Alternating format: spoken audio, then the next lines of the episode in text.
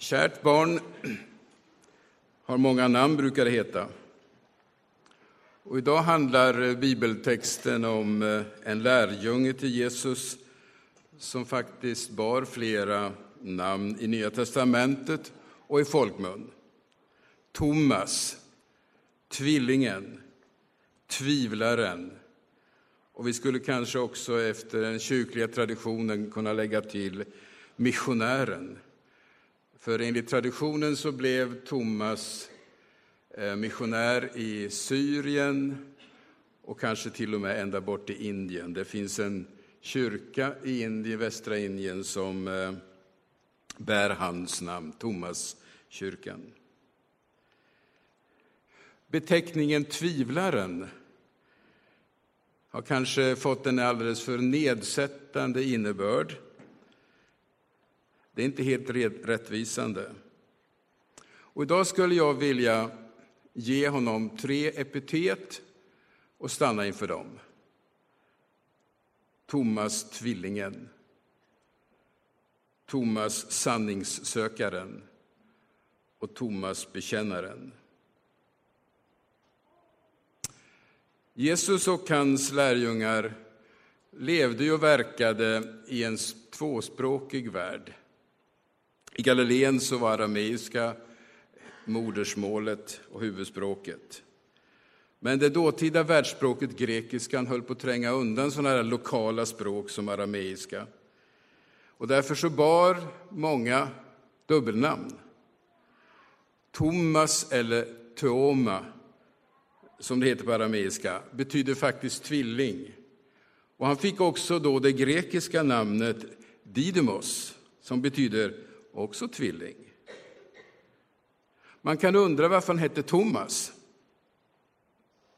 Var Thomas hans födelsenamn eller blev det ett smeknamn till följd av hans karaktär och personlighet? Vi har inga belägg för att Thomas var en dubbel natur och delad. Inte heller att han hade en tvillingbror eller en tvillingsyster, det vet vi inte. Hans föräldrar gav honom namnet kanske bara därför att de tyckte det var fint eller någon i släkten hade hetats Toma. Men för vår del så passar det väldigt bra att han just heter, eller hette, Thomas, tvillingen.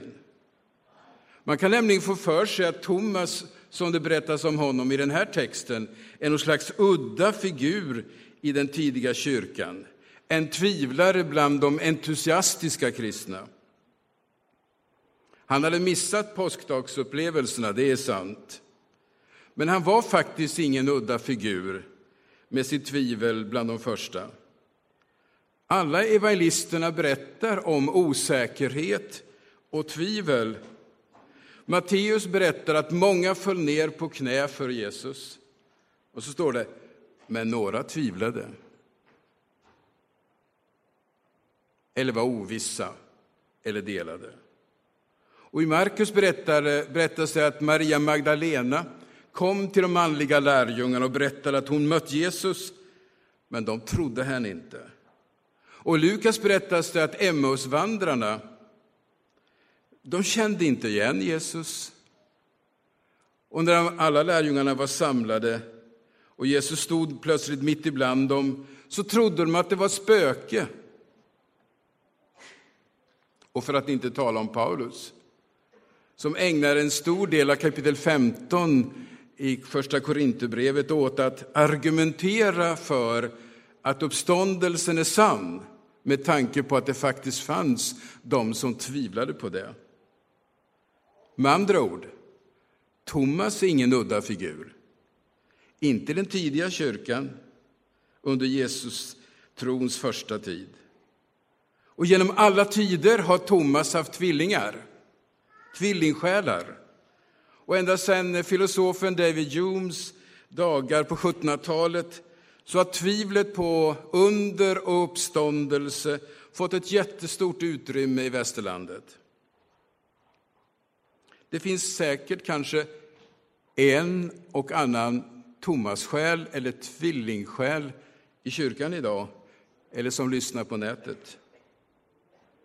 Som känner igen sig i Thomas som har funnits med i kyrkan, gått ut och in och i verksamheten, men ändå känner sig udda, osäker om tron och lite utanför.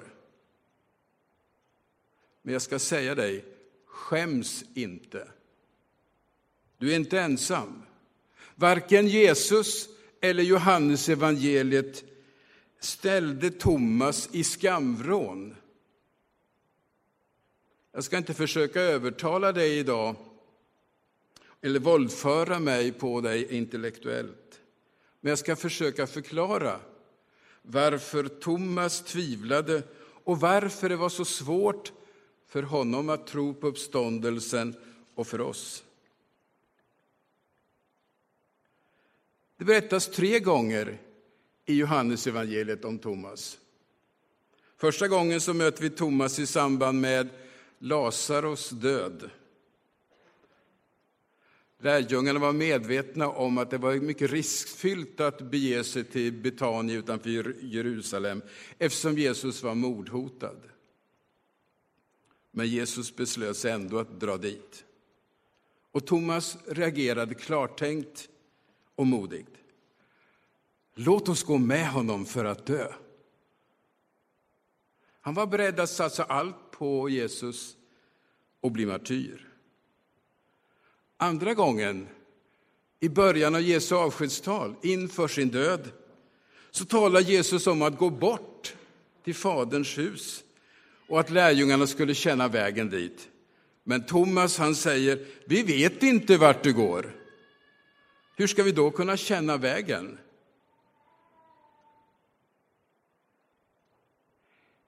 Inte var det en oförnuftig fråga och inte heller illvillig. Han bara inte förstod. Han fattade inte vad Jesus sa och tacka för det. Och vad det skulle betyda och hur han skulle bege sig efter Jesus. Inte var det något fel. Kritisk förnuft och sanningssökande är inte något som uppstått med den moderna vetenskapen och beprövade erfarenheten. Thomas var en sanningssökare. Han ville veta. Tredje gången vi möter Thomas, det är i dagens text. En vecka efter påsk. På ett mycket konkret och mycket drastiskt vis så ställer han sig tvivlande till alla de andra lärjungarnas vittnesbörd om att ha sett Jesus.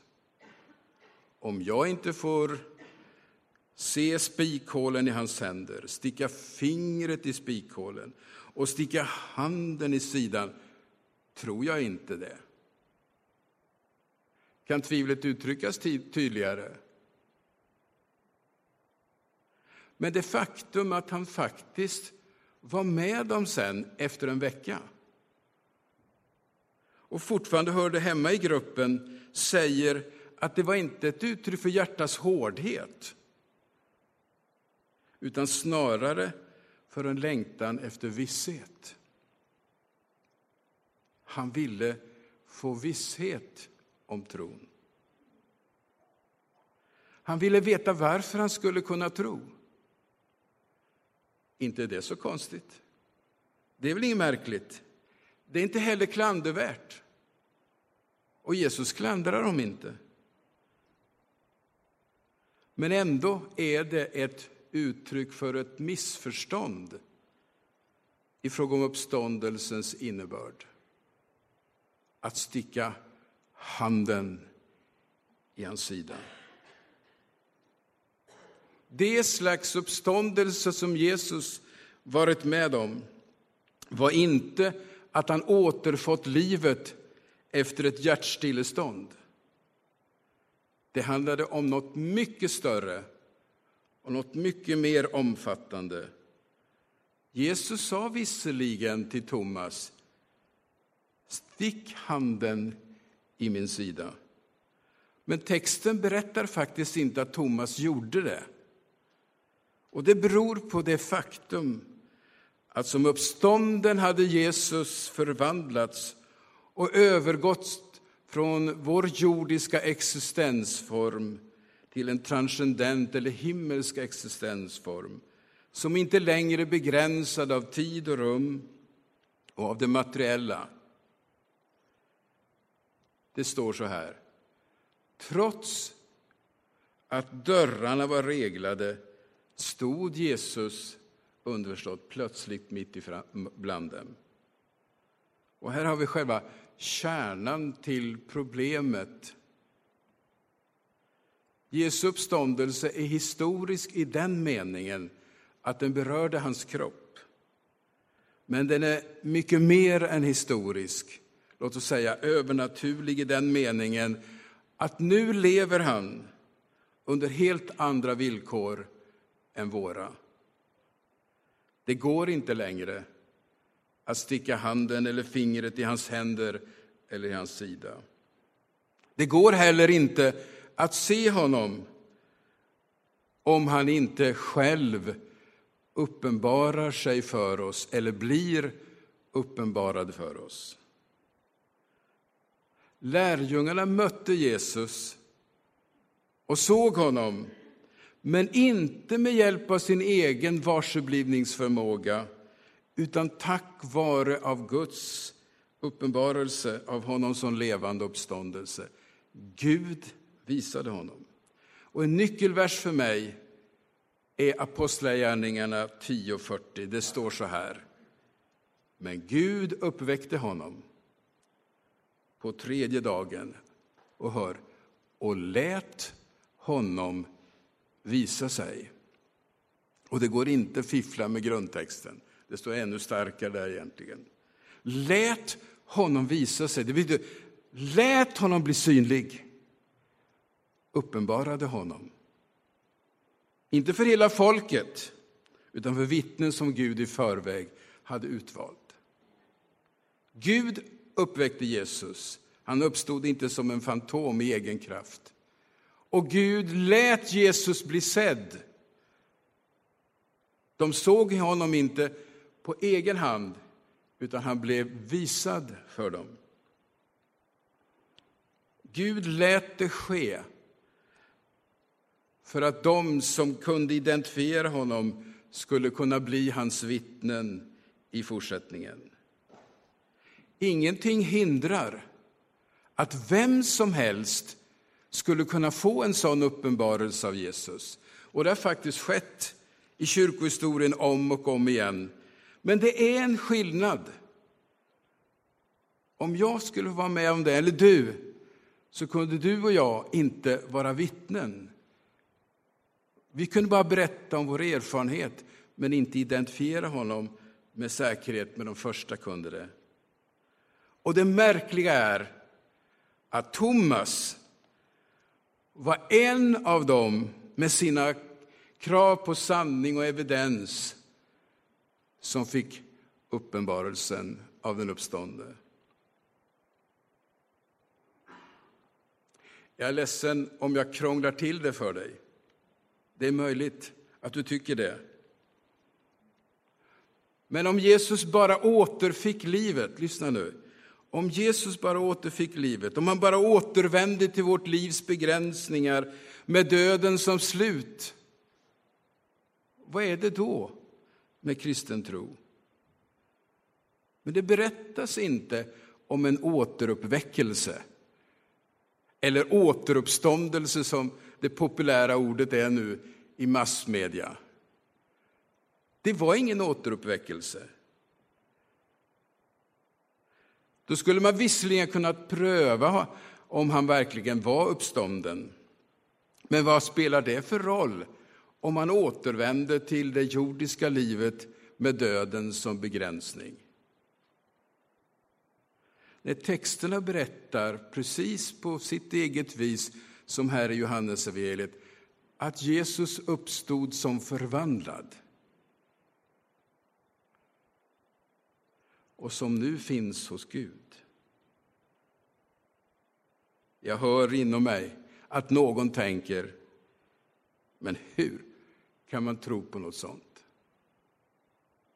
Det går väl inte att belägga? Nej. Två uttalanden i den här texten är jättespännande. Ett av Thomas och ett av Jesus. Jag börjar faktiskt med Thomas, han talar först. När Jesus stod där och han erbjöd Thomas att känna efter, så svarar Thomas, för han kände igen hans röst och mycket mer, så svarar Thomas, min Herre och min Gud. Hans möte med den uppståndne var så starkt och så övertygande att det slutade med en fantastisk bekännelse. Inte bara min Herre, utan min Herre och Gud. Hans bekännelse, och för övrigt de tidiga kristnas förhållningssätt, har lagt grunden till min tro och bär mig i min tilltro till deras vittnesbörd. Det starkaste och det mest revolutionerande som hände bland de första kristna, utöver att Jesus hade uppstått, var faktiskt att de började tillbe Jesus som de tillbad Gud. Glöm inte då att de var judar som dagligdags, morgon och kväll hade en bekännelse som de uttalade. Hör Israel, Herren vår Gud är en. Herren vår Gud är en. Underförstått, bara honom ska du tillbedja. Bara honom ska du tillbedja. Men de började tillbe Jesus. Det skulle aldrig ha skett om inte något alldeles enastående hade drabbat dem. Thomas, tvivlaren, Thomas, tvillingen,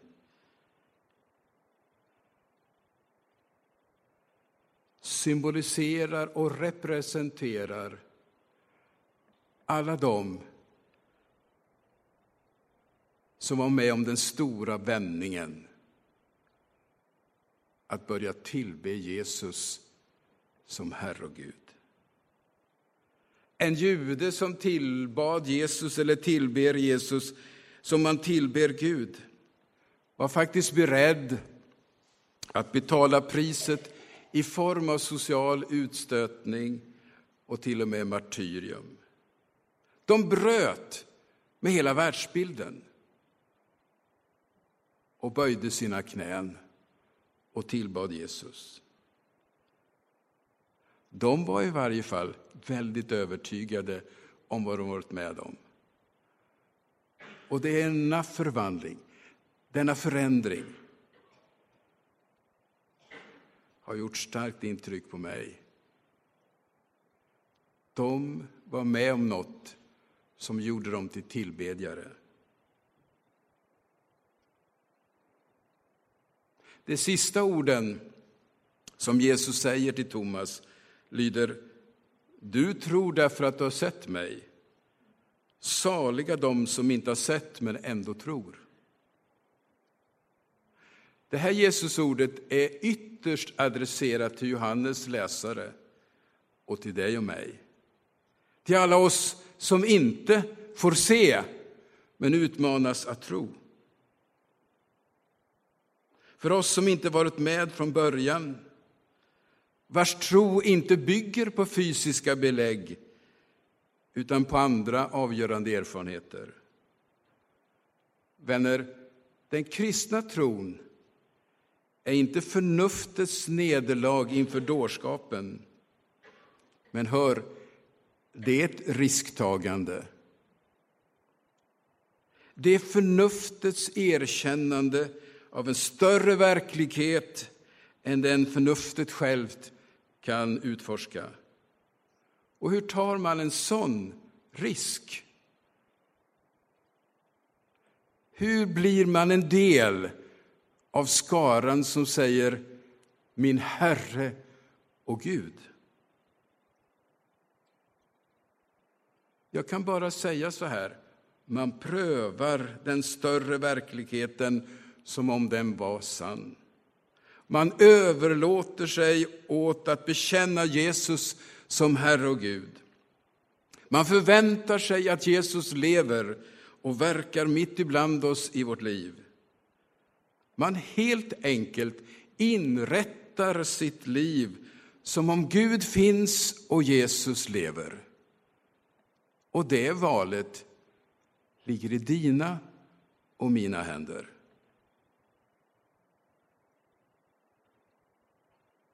Nu ska jag göra det ännu mer konkret. Trons risktagande kan ske faktiskt i mottagandet av bröd och vin. Som ett mottagande av Kristus själv. Jag tar det och tar emot det som jag tog emot Kristus.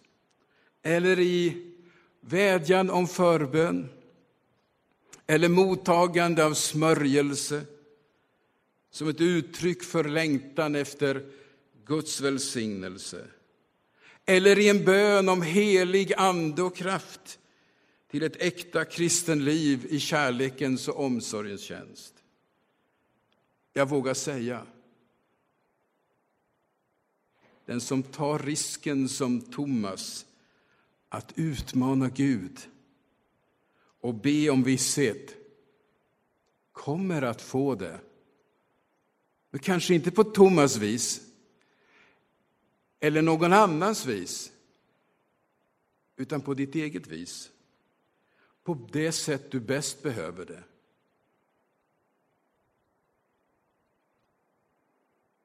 Tvillingsjälar. Jag kan inte peka ut dig, men du finns här. Nu är det upp till bevis. Vill du verkligen bli viss? Eller vill du fortsätta lite obstinat mot kyrka och tro? Vill du fortsätta att vara åskådare till kristen tro? Eller vågar du utmana ödet? Att be Gud om att gripa in i ditt liv och visa sig och uppenbara Kristus för dig. Och ge dig visshet om en större verklighet än du är van vid att röra dig.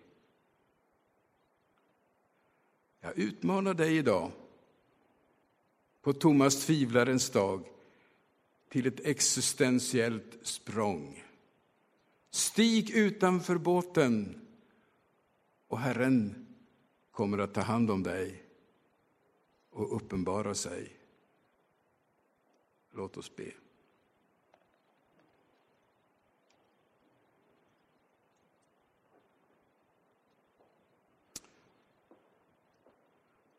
Ja, Fader, tack för att du inte tog hem Jesus till dig i fördoldhet och lät oss vara okunniga om det stora undret. Tack för att du inte lät de första kristna få finnas med de stora frågorna. Hur är det med Jesus? Vart tog han vägen? Vad blev det med honom? Utan du uppenbarade honom som levande och verklig mitt ibland dem. Jag ber, Herre, om förnyelse i tron idag. Om en ny överlåtelse åt den verklighet som är större än den vi rår på. Om en förnyelse i bekännelsen Jesus lever och är Herre. Om en vilja att underordna oss hans vilja och leva i hans liv och kärlek. Amen.